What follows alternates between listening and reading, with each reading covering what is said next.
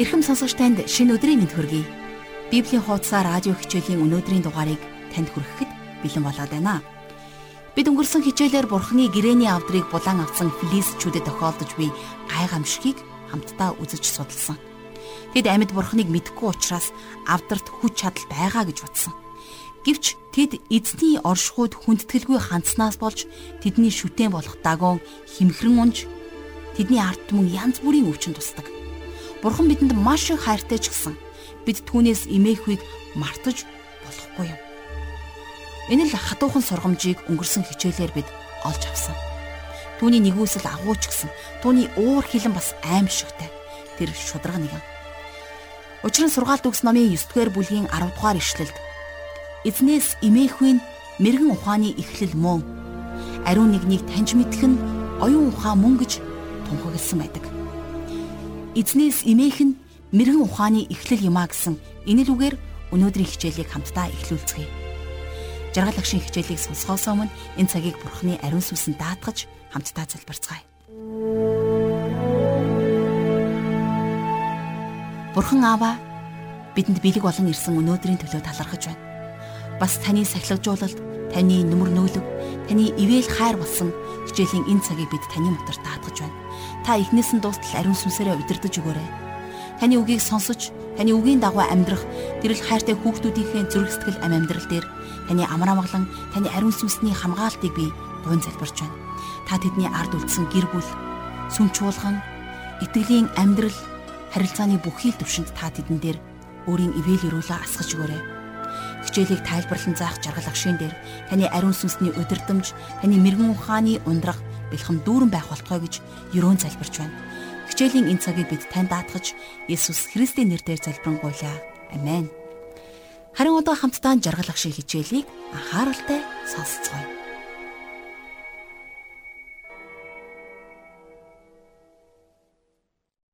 За өнгөрсөн хичээлээс бид нэр эзний гэрэний авдрыг филистчүүд учрыг мэдлгүй авснаасаа болж маш их зовлон амссан тухай үзсэн. За ингээд үйл явдал яаж үргэлжилсэн тухай хамтдаа өнөөдөр 1-р Самуэль номынхон 6-р бүлгийн 1-р ишлэлээс эхлэн судалцгаая. Эзний авдар филистчүүдийн тал нутагт 7 сар байлаа. За эндээс харах юм бол филистчүүд эзний авдрыг өөртөө байлгах нь халуун чулуу атгахтай адил тун хэцүү байсан. Дагуун шүтээнийхэн хажууд байрлуулахад шүтэн нь нураад унчихна. Тэр шүтээнийх нь хөл гарн тасарч ганцхан их биеийн үлдсэн нь мөрөгөхөд ч хэцүү тийм шүтэн болсон байна.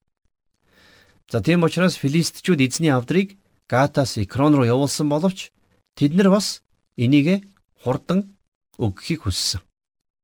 Тэгээд тахилчид болон мэрэгч төлөгч нараас асуудаг. За энэ тухай 6 дугаар бүлгийн 2-оос 4 дугаар ишлэлдэр Филистичүүд тахилчид ба мэрэгч төлөгчдийг дуудан Бид эзний авдрыг яах вэ? Түүнийг байсан газарт нь хэрхэн буцааж илгээхийг бидэнд мэдүүлж өгөөч гэжээ. Бид нар хэрвээ та нар Израилийн бурхны авдрыг буцааж илгээх бол юу ч үгүй хоосон илгээж болохгүй. Харин та нар түүнд ялын тахил заавал төл. Тэгвэл та нар эдгэрч бурхны мотор яагаад та нараас холдож салахгүй байгааг мэдэх болно гэв. Тэгэд хүмүүс бидний түүнд буцааж төлөх ялын тахил нь юу байх вэ гэв. Тэд та бүгд болон танаа ноёдын дээр буусан гамшиг нэг тул энэ нь Филистинхийн ноёдын тоотой адил таван алтан булд руу таван алтан хулган байна гэж хариулваа. За энд юу болж ийнү гэхээр зэрэг филистчүүд эзний гэрэний авдраас салахыг хүсч байсан боловч яг яаж салахаа мэдэхгүй байсан. За тийм учраас өөрсдийнхөө тахилч, мэрэгч төлөгч нартай зөвлөлдөж за тэд нар ч гэсэн гэрэний авдрыг хоосон буцааж болохгүй гэж зөвлөж байна. Тэд нэр хэлэхдээ өргөл барьцтай буцаах ёстой. Эдгээр өргөл барьцнаас тэдний шүтэнүүд ямар байсан нь харагдаж байгаа биз? Бурхан филистчүүдийг яагаад өөрийнхөө газар нутгаас гаргасан тухай маш олон хүмүүс гайхдаг л да. Ба тэгвэл хариулт нь юу вэ гэхээр амлсан газар нь дэлхийн төв хэсэг байсан. За тэгээд бас энэ газар нутгийн хүмүүс бүх дэлхийн ард түмэнд нөлөөлөх боломжтой байсан юм.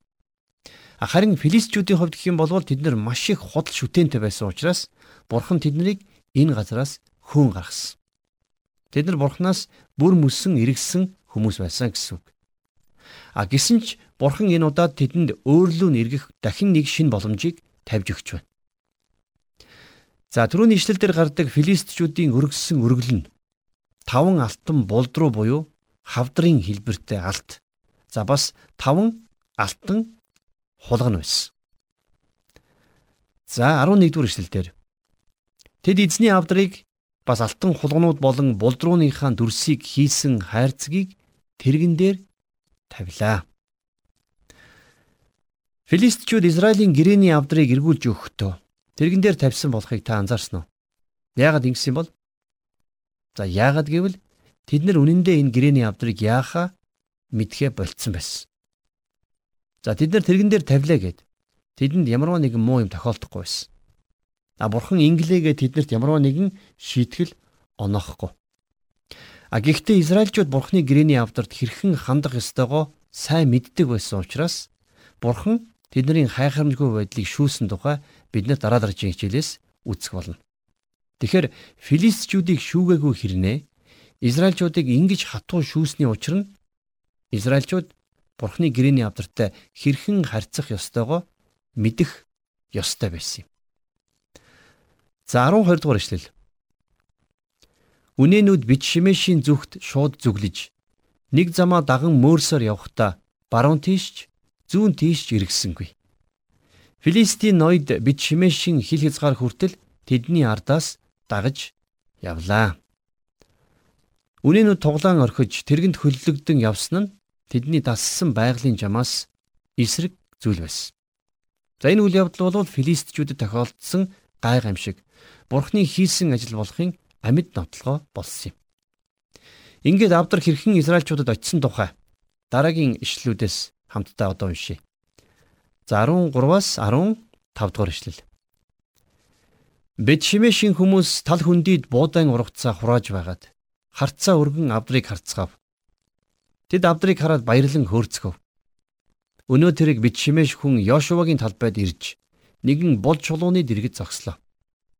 Тэр хүмүүс тэрэгний модыг хаглан үнэнүүдээр эзэнд шатаалт дахил тахив.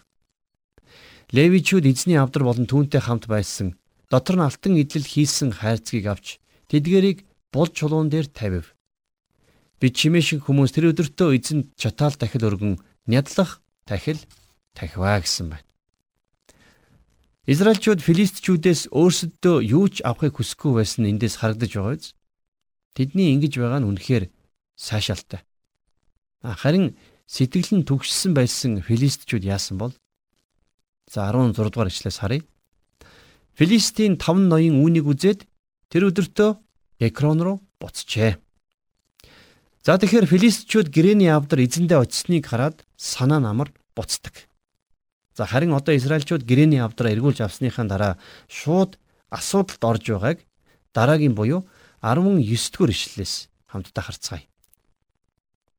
Бид шимэшин хүмүүс эзний авдран доторхыг харсан тул эзэн тэднийг цохиж ард олноос нь 5070 хүнийг цохин алав. Эзэн хүмүүсийг үе олноор хядсанд ард олон эмгэнэн гашуудлаа. За бид шимэшин хүмүүс яахын аргагүй бурхны хатуу хориглосон зүйлийг хийсэн. Гэрэний авдар бол майхан сүмийн ариунаас ариун газарт байж тэрнийг зөвхөн тэрүүн тахилчил харах эрхтэй байсан. А гэхдээ өдөр болгон хардггүй байсан. Тэр жилд нэг л удаа гэрээний авдрыг олж харах эрхтэй байсан. За тэгээд зогсохгүй гэрээний авдрыг 40 жил цөлөөр авч явахдаа Израильчууд ихэд хүндэтгэн даавуугаар бүтээн авч явдаг байсан. Тэгэхээр филистичүүд мэдээж энэ тухай мэдэхгүй боловч Израильчууд болвол сайн мэдэх ёстой. За сайн мэддэг хэрнээ бурхан дуулууртай үнэнч байгаагүй Израильчууд гашуудан ийхүү хэлсэн байна. За хамтдаа 20 дугаар ишлэлээс бид шимэшин хүмүүс энэ ариун бурхан эзний өмнө хэн зогсож чадах юм бэ?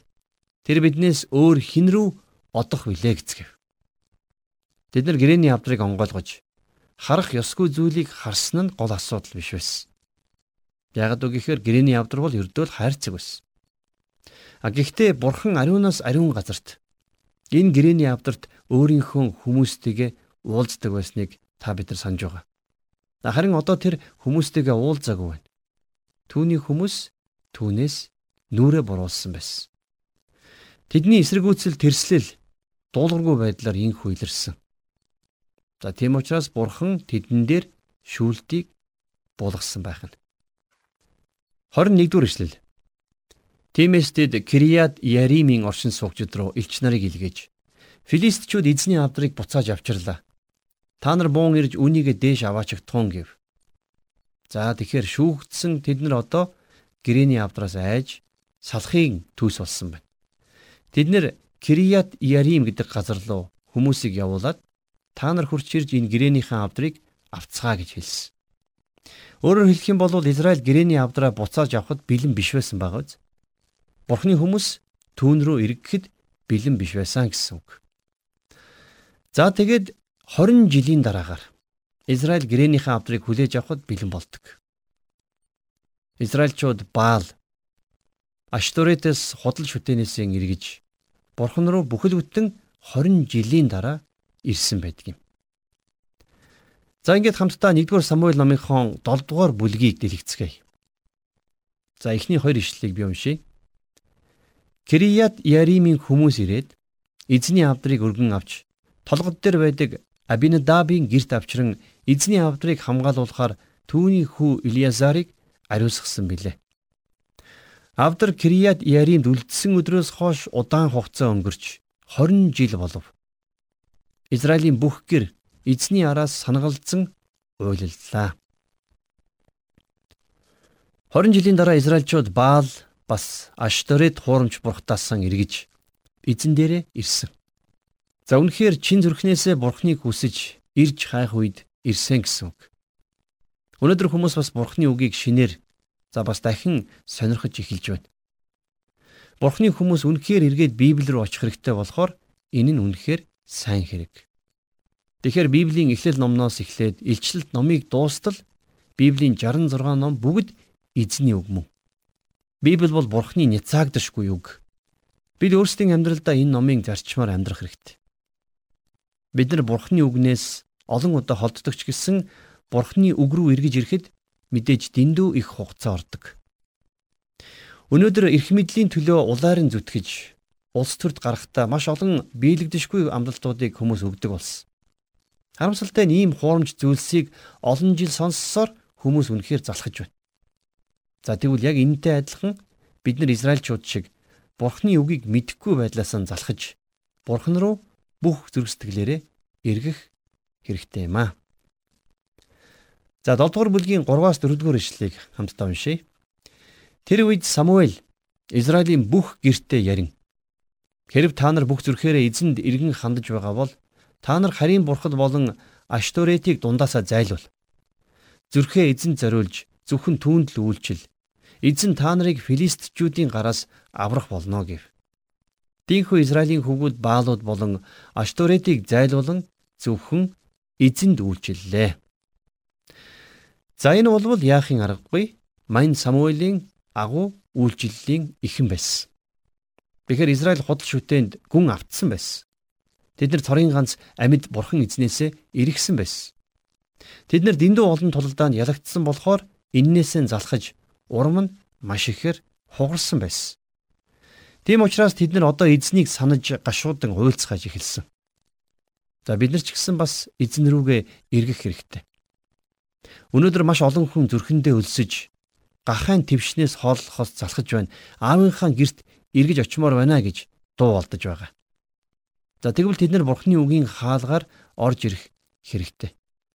Харин энэ алхмыг Самуэль эхлүүлсэн байна. За 7 дугаар бүлгийн 5-аас 6 дугаар эшлэлдэр Тэгэхэд Самуэль бүх Израилийг Миспад цуглуулах тун. Би та нарын төлөө эзэн залбирна гэв. Тэд Миспад цугларч ус татаж эзний өмнө асхан тэр өдөр мацаг барьж бид эзний эсрэг нүгэл үлдсэн билээ гэв. Самуэль Миспад Израилийн хүүгүүдийг шүлээ. Тэгэхээр Самуэль зөвхөн Израилийн иш үзүүлэгч биш, бас үндэснийхээ шүүгч нь болсон. Израильчууд худал бурхтыг орхиж жинхэнэ амьд эзэн рүү эргэж байгааг бид нар сая харлаа.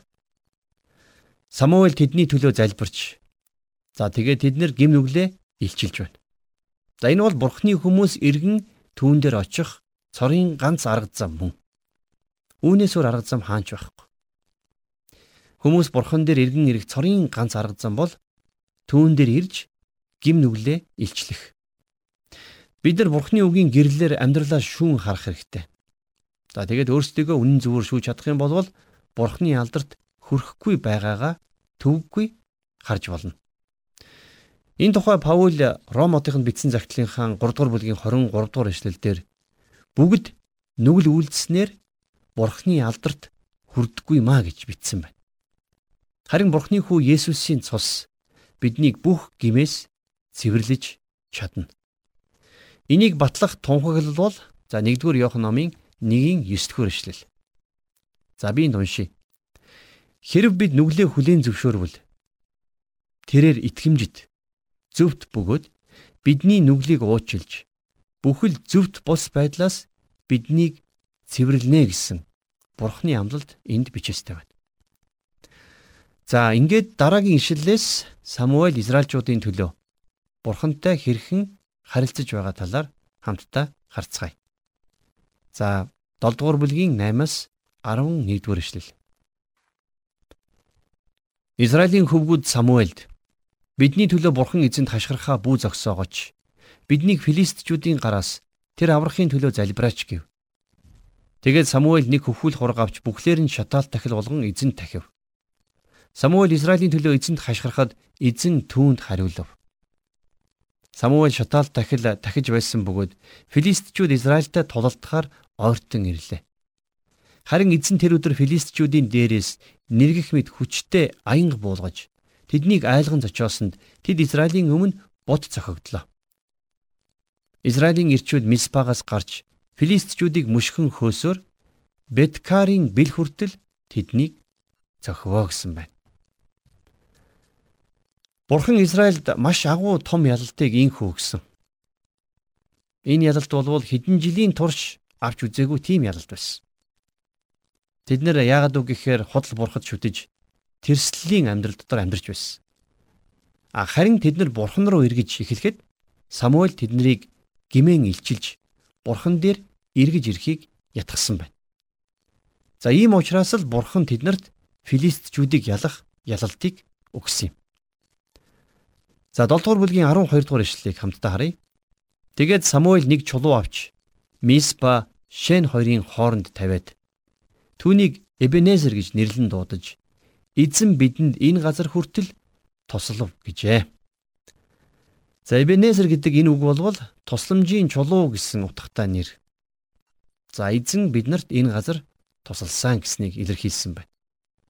Энэ болвол эзэн тэдний амьдралд юу хийж өгснийг гэрчлэх дурсгалын чулуу байсан. За бас нөгөөтэйгөр энэ нь тухайн үед болсон зүйлээ хүлээн зөвшөөрсөн тухайн үеийнхний тэмдэг чулуу байсан. За бас ирээдүг харуулах илчлэлтийн ч чулуу байсан. За тийм учраас энэ газар хүртэл буюу за энэ мөчийг хүртэл бурхан бидэнд тусалсан гэсэн утгатай. Хүмүүс бид нар өнгөрснийг дурсан санах дуртай. За жишээлх юм бол эзэн Паулаар дамжуулан Филиппой хотынд хэлэхдээ Та нарын дотор сайн үлийг эхлүүлсэн тэрээр үүнийг Христ Есүсийн өдрийг хүртэл төгс төгөлдөр болгоно гэдэгт би бат итгэж байна гэж Паул захиандаа бичсэн байдаг. Тийм учраас Бурхан өнөөдрийг хүртэл таны амьдралд ажилласаар байгаа. Тэр таныг өнөөдөр хүртэл удирдсаар л байна. Тэр бас таныг чиглүүлж байгаа. Тийм учраас эзэн надад энэ газрыг хүртэл туслалаа гэж та хэлж болно гэсэн үг. Бурхан өнөөдрийг хүртэл таныг орхиогүй учраас ирээдүйд ч гэсэн бас тантай хамт байж танд туслах нь гарцаагүй. Бурхан бидэнд ой санамжийг өгсөн учраас түүний хийсэн бүх зүйлсийг бид нар хизээч сананд орсож урам авах боломжтой болно гэсэн үг. Бид нар өнгөрснөө сананд орсох юм бол хүн бүр эзний гар түүний амьдралд хэрхэн ажиллаж байсныг төвөггүй харж чадна. За Йошуа эзнийг дурсахдаа Би болон миний гэр эзэнд үйлчилнэ гэж хэлж байсан. За Давид хаан эзэнд талархал өрг. Учир нь тэр бол сайн бөгөөд түүний хайр инрэл мөнхийх. Эзний золигдсон хүмүүс өгүүлэгтэн. тэднийг тэр өстний гараас золисон юм а гэж дуулал номын 107 дугаар дуулалын 1-ээс 2 дугаар эшлэлдэр тунхагласан байдаг. Тийм ээ. Эзэн үнэхээр сайн. Тэр бидэнд тусалсаар ирсэн цаашид ч туслах болно. Нэгэн бизнес эрхлэгч хүн яг энэнтэй адилхан амьдралын зарчмыг ингэж тодорхойлсон байдаг юм. За тэрээр юу хэлсэн бэ гэхээр цаг хугацааг хэрхэн ашиглаж байгааг банкны хэлээр илэрхийлж болно. Өчигдөр бол хүчингүй болсон төлбөрийн хуудас. Маргааш бол зөв өрийн бичиг. Харин өнөөдрийн энэ өдөр бол бэлэн мөнгө. Тэм учраас энийг зөв зарцуулаарэ гэж хэлсэн байх юм. За тэгвэл яг л энэ шиг та өөрийнхөө амьдралаас бурхныг харж чадаж байна уу? Самуэль Эбенезер чулууг тавихдаа Бурхан таны амьдралаас харагдахыг илэрхийлж байсан. Энэ бол илчлэлтийн чулуу байсан. Энэ нь зөвхөн энэ үеийг хүртэл биш. Энэ үеэс хойшхыг ч гэсэн төлөөлсөн чулуу байсан. Мэдээж хүн болгон ирээдүйнхээ тухай санаа зовж ирээдүйд юу болох болоо гэдгийг мэдхийг маш их хүсдэг. А гэхдээ байна штэ Ромын 8:28 дугаар эшлэлдэр Бурхныг хайрладаг Түүний зорилгын дагуу дуудагдсан хүмүүсийн сайн сайхны төлөө бүх юм хамтдаа ажилдгаа гэдгийг бид мэднэ гэж Паул бичсэн байна. Нэгэн Библийг судлаач доктор Ромын 8:28-ыг ядарч туйлдсан зөрсдгөлийн амрах газар гэж маш оновчтой нэрлсэн байдаг. За бас Давид хаан дуулал номын 23 дугаар бүлгийн 1-р эшлэлдэр эзэн бол миний хончин гэж хэлээд Тэр ирээдүйн тухай хэлэхдээ би юугаарч дутхгүй гэж тунхагласан байдгийг санаж сонсогч танд урам өгөх гэсэн юм аа. Бид бүгдэд Эбенесер чулуу шиг Бурхны бидний амьдралд хийсэн зүйлсийг санан дурсах дурсамж хэрэгтэй. Тийм учраас таны амьдралд энэ дурсамж байгаа гэдэгт би итгэлтэй байна. Израильчууд жинхэнэ Бурхныг санан дурссан болохоор за 13 дугаар эшлэлдэр ийхүү филистчүүд доройтож Израилийн нутаг дэвсгэрт дахин халдаж ирсэнгүй. Самуэлийн бүх өдрүүдэд эзний мотор филистчүүдийн эсрэг байваа гэсэн байна. За тэгэхээр энэ цагаас хойш филистчүүд Израилийн хөнөөлт дайсан байхаа нэгэнт болсон байна. Тэдний тулаан маш том маш хүчтэй тулалдаан болсон. За энэ тулалдааны ялалтыг баталсан дурсгалын чулуу одоо хүртэл байдаг. Энэ чулууг Иерусалим хотоос хойд зүгт хотоос шууд харагдахаар байршуулсан байдгийн билээ. За ингээд дараагийн ишлэгийг хамтдаа уншийе. 15-аас 17 дугаар ишлэл. Самуэль амьдралынхаа бүх өдрүүдийн турш Израилийг захирчээ. Тэрээр жилийн жилд Битэл, Гилгал, Миспагаар тойрон явж, эдгээр бүх газруудад Израилийг шүүв. Рамад гэрн байсан тул тэрээр Рама руу буцдаг байсан ба тэрээр тэнд Израилийг шүүдэг байв. Тэр мөн тэнд эзэнт тахилын ширээ босгоо. За энэ бол Самуэлийн намтар. Самуэль Израилийн иш үзүүлэгч бас шүүгч байсан. Тийм учраас тэрээр бүх газар нутгаараа тойрон явдаг байсан. Тэр Бителес Гилгал руу за тэгээд Миспа руу явж эргээд Рама руугаа хурч ирээд Иерусалимийн хойд зүгт орших бүх газраар явдаг байсан. За явсан газар болгоноороо тэрээр Израилийг манлайлалаар хангадаг байсан гэсэн үг. За Самуэль бол маш сайн шүүгч, бурханд хайртай хүн байсан. Тэр майхан сүм дотор өсөж торнихдоо Элигийн хөвгүүдийн завхрал. За бас дээрэс нь бурхан тэднийг хэрхэн шүүснийг ч харсан. А гэхдээ түүний яг юу хийснийг одоо харцгаая. За ингээд бид нар хамтдаа 1-р Самуэль номынхон 8-р бүлгийг эхлүүлж байгаа шүү. За 1-р эшлэлдэр Самуэль настай болж өөрийн хөвгүүдийг Израилийн шүүгчд болгон томилов гэсэн байгааз. Тэгэхээр Самуэль өөрийнхөө хөвгүүдийг энэ ажил тэнцэхгүй байсан ч өөрийн дураар томилсон байна. Энэ бол түүний хувьд үнэхээр том алдаа байсан. Самуэль өөрөө агуу шүүгч, гайхамшигтай иш үзүүлэгч, Бурхны агуу хүн байсан хэрнээ яг Илигийн адилаар муу эцэг байсан байна.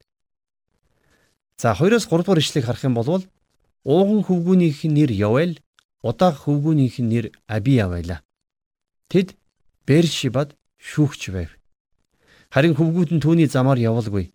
Шудраг бус ол зашгийн араас хөөцөлдөн хээл хахуул авч шудраг ёсыг гажууд болваа гэсэн байна. Ийм сайн зүнж хүний хүүхдүүд нь иймэрхүү л хүмүүс байсан байна. Библиэлд тэдгэр хүүгүүдийг шудраг биш байсан гэж бичсэн. Ингээ бодохоор үнэхээр хачин. Заримдаа аав ээж нар нь маш сайн итгэгч хэрнээ хүүхэд нь буруу замаар явах тохиолдлууд зөндөө байдаг. Энийг тайлбарлахад үнэхээр хэцүү л дээ. Заримдаа тайлбарлах аргаач олохгүй байна. Самуэлийн хувьд үнэхээр бурхны хүн байсан боловч тэрний хөвгүүд ийм бозар зүйлсийг хийдэг байсан. За тиймээс Израилийн ахмад наснууд цуглан за 4-5 дугаар ишлэгийг харъя. Израилийн бүх ахмад хамтдаа цугларан Рамад Самуэль руу иржээ. Тэд түүнд та одоо настай болжээ. Хөвгүүд таньч таны замаар явахгүй байна. Бусад үндэснүүдэд байдаг шиг биднийг захирах хааныг бидэнд томилж өгнө үү гэв. Ингэж Израильчууд хааныг анх хүссэн байдаг. Тэднэрт эргэн тойрных нь улс маш их нөлөөлсөн бол л да. Тэд эргэн тойрныхон улсыг дуурайхдаа Самуэлийн өндөр нас за бас тэрний хүүгүүдийн шудраг биш байдлыг ашигласан.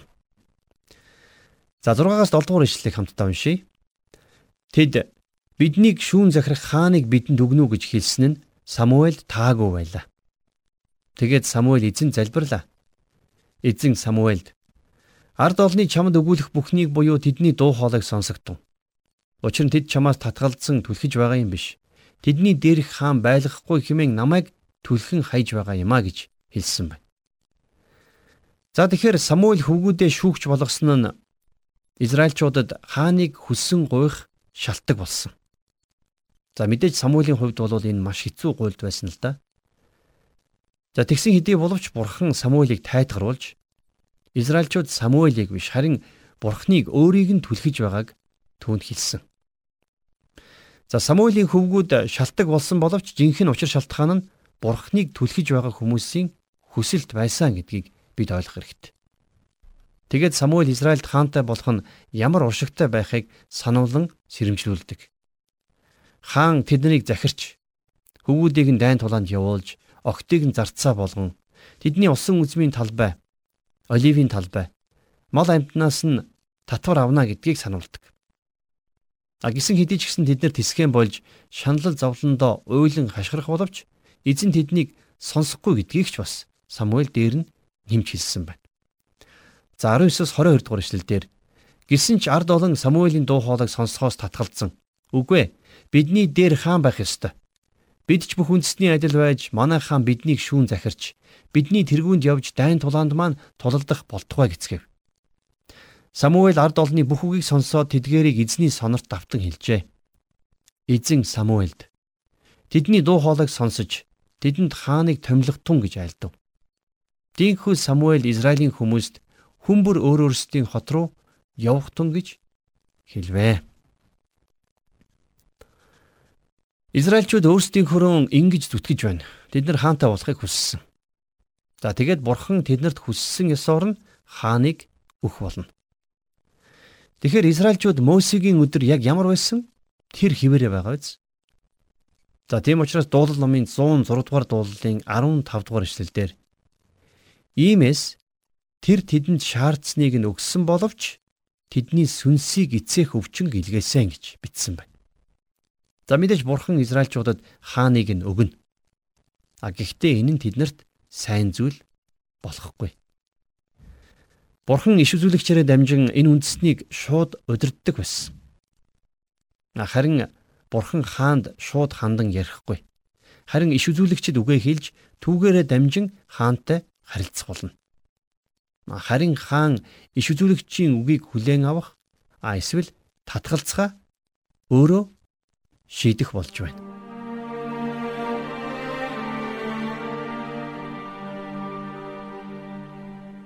Тэгэхээр Израильчууд бурхнаар дуудагдсан цорын ганц ард түмэн байсан орчлон ертөнцийг бүтээгч эзэн тэдний дээр байсан учраас тэд түүнтэй зөөрлөшгүй хүчин мөхс хүнээр удирдуулахыг хүссэн байна. Бид заримдаа Бурхныг яг л үүн шиг эд зүйлээр хин нэгэн хүнээр эсвэл хуурамч ямарваа нэгэн зүйлсээр солилцдог. Тэр нь магадгүй телевиз, ухаалаг гар утас, эсвэл магадгүй бидний өөрсдийн маань махан биеийн хүслүүд. Тэгээ дараа нь Бурхны ивэл өрөөлөөс хагцаж холддог. Тэгээ харамсалтай тэр үедээ бид энэ яг юунаас болчихвоо? Бурхан тэгээд хаана байна гэж бид ордуу тавин залбирдаг. Хамсалтай нь бидний шийдвэр сонголтууд энэ бүхэнд нөлөөлсөн гэдгийг бидний шийдвэр сонголт бурхнаас ирэх ивэл өрөөлийг хаадаг болохыг бид бүрэн дүүрэн ухамсарлаж ойлгож чаддаггүй. Тэгвэл тэрхүү ойлгогдошгүй асуултын хариултыг өнөөдөр бидэнд өглөө. Гитлэл номын 20 дугаар бүлгийн 3 дугаар ишлэлд бурхан бидэнд ийхүү хэлж байна. Чи надаас өөр бурхадтай байж болохгүй гэж Израильчууд өгсөн 10 хуулийн нэгэнд ийм нэгэн тушаал байдаг. Надаас өөр бурхадтай байж болохгүй. Энэ хүрээд өнөөдрийн хичээл маань өндөрлөж байна. Магадгүй энэ нүг мөн өнөөдөр судалсан 1-р Самуэль номын 6 дугаар бүлгийн 1-ээс 8 дугаар бүлгийн 22 дугаар ишлэлийг хүртэл судалсан өнөөдрийн хичээл танд ямар нэгэн зүйлийг сануулж, ойлгуулж, ариун сүнсээр ямар нэгэн зүйлийг ятгах синхруулсан гэдэгт итгэлтэй байна. Бурхан таныг нэрээр тань дуудаж байгаа. Ариун сүнс таны дотроос хөдөлж ачлах боломжийг түүнд заавал олгоорой. Ингээд хамтдаа сурсан зүйлийнхаа төлөө бурханд талархаж хэрэгжүүлэх урам зоригийн төлөө түүнээс хүчийг гуйж хамтдаа залбирцгаая. Гайхамшигтай бурхан аав минь бид таньдаа талархаж байна. Та бол орчлон ертөнцийг хүн төрлөختөн биднийг бүтээсэн тийм л бүтээлч, бүтээгч бурхан билээ. Тиймээс та бидний зүрх сэтгэлд хамгийн эрхэм байр суурийг эзлэх учиртай. Танаас өөр хинч юу ч биднийг бүү захираг ам амьдралынхаа хорон мөч бүхнийг бид танд даатгаж таны үгээр амьдрахыг бид хүсэж байна. Та биднийг агуу хайраараа ивэж өрөөж өгөөрэй. Таны сахилгажуулалт бидний өмнө байж бид сахилгажуулалт үг зааварчилгаанд дуулууртай бөгөөд даруй зүрх сэтгэлээр түүнийг хүлээн авч ам амьдралаараа гэрчлэн тунхаглах болтугай. Бид энэ л тунхаглалыг ам амьдрал дээрээ ярьж ариун сүнс танаас тусламжийг хүсэн Есүс Христийн нэрээр залбирanгуйж байна. Амен.